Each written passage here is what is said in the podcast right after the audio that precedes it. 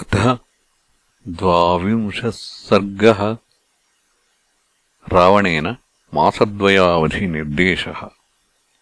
सीतायावचनम् श्रुत्वा परुषम् राक्षसाधिपः प्रत्युवाच ततः सीताम् विप्रियम् प्रियदर्शनाम्। यथा यथा सान्त्वयितावश्यस्त्रीणाम् तथा तथा यथा यथा प्रियम् वक्ता परिभूतस्तथा तथा।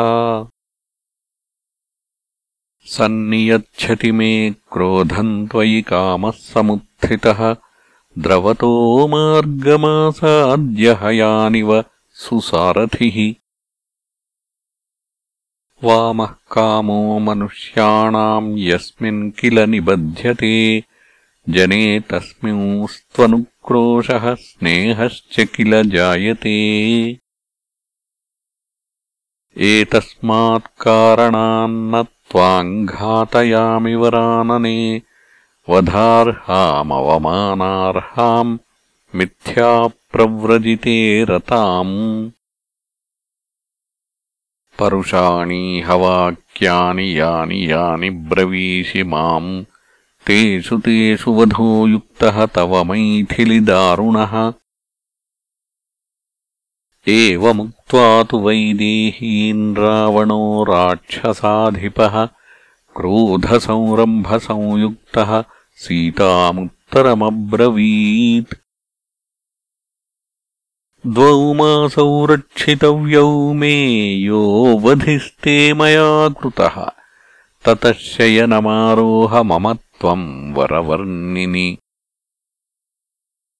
ऊर्ध्वन्द्वाभ्याम् तु मासाभ्याम् भर्तारम् मामनिच्छतीम् मम त्वाम् प्रातराशार्थम् आरभन्ते महानसे। ताम् तर्ज्यमानाम् सम्प्रेक्ष्य राक्षसेन्द्रेण जानकीम् देवगन्धर्वकन्यास्ता विषेदुर्विकृतेक्षणाः।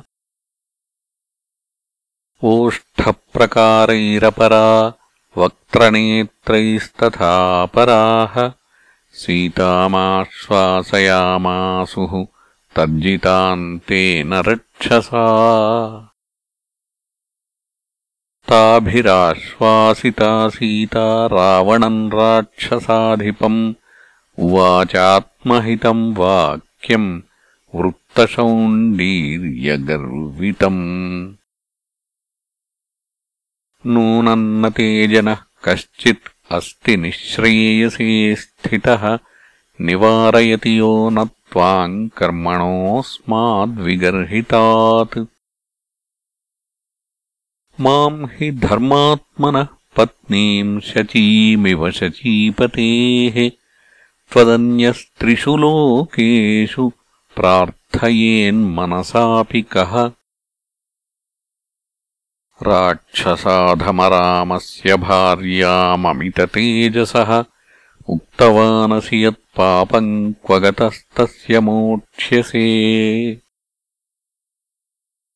यथा दृप्तश्च मातङ्गः शशश्च सहितो वने तथा द्विरदवद्रामः त्वन्नीचशशवत्स्मृतः स त्वमिक्ष्वाकुनाथम् वै क्षिपन्निह न लज्जसे चक्षुषोर्विषयम् तस्य न तावदुपगच्छसि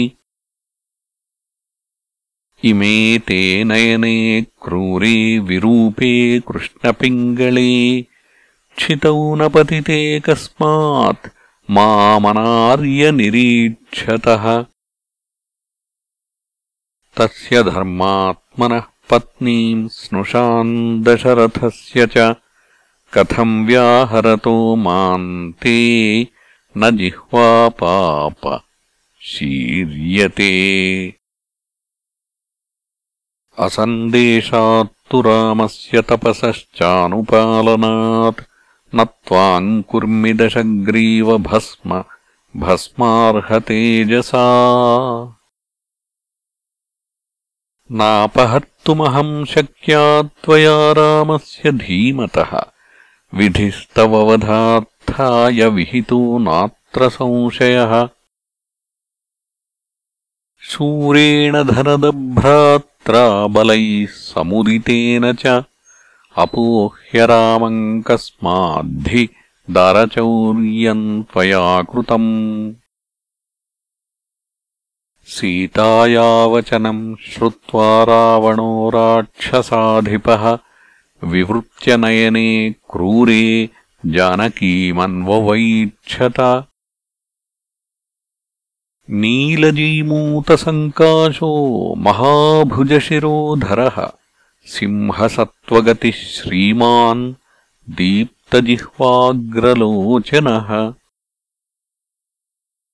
चलाग्रमकुटप्रांशुः चित्रमाल्यानुलेपनः रक्तमाल्याम्बरधरः तप्ताङ्गदविभूषणः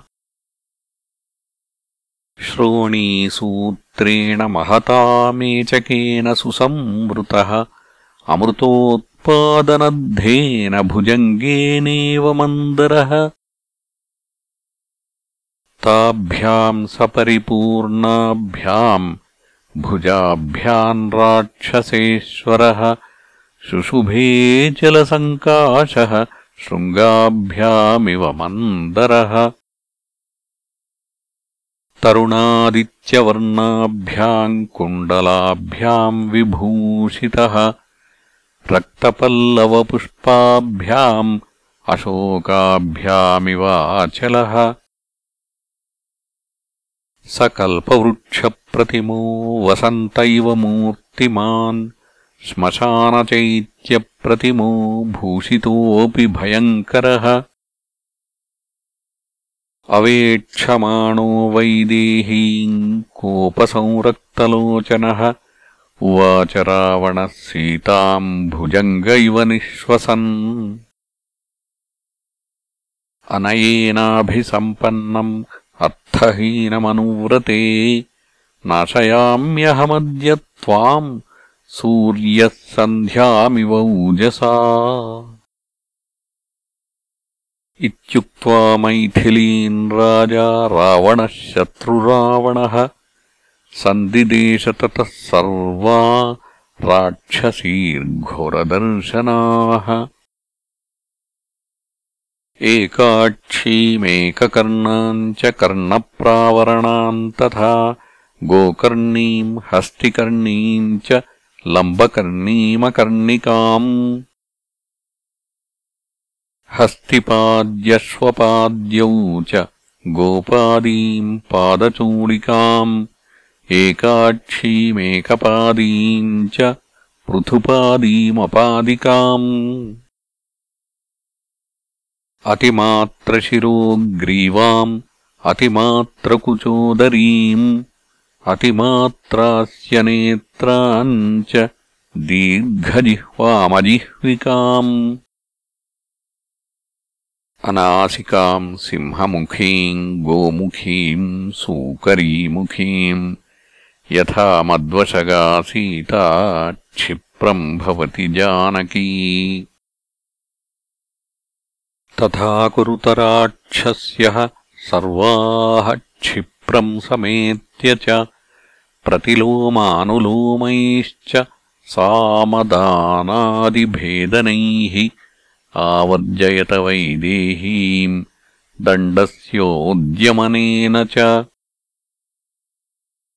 इति प्रतिसमादिश्य राक्षसेन्द्रः पुनः पुनः काममन्युपरीतात्मा जानकीम् पर्यतर्जयत्। उपगम्य ततः क्षिप्रम् राक्षसी धान्यमालिनी परिष्वज्य दशग्रीवमिदम् वचनमब्रवीत् मया क्रीडमहाराज सीतया किम् तवानया विवर्णया कृपणया मानुष्या राक्षसेश्वरा नूनमस्या महाराज न दिव्यान् भोगसत्तमान् विदधात्यमरश्रेष्ठः तव बाहुबलार्जितान्।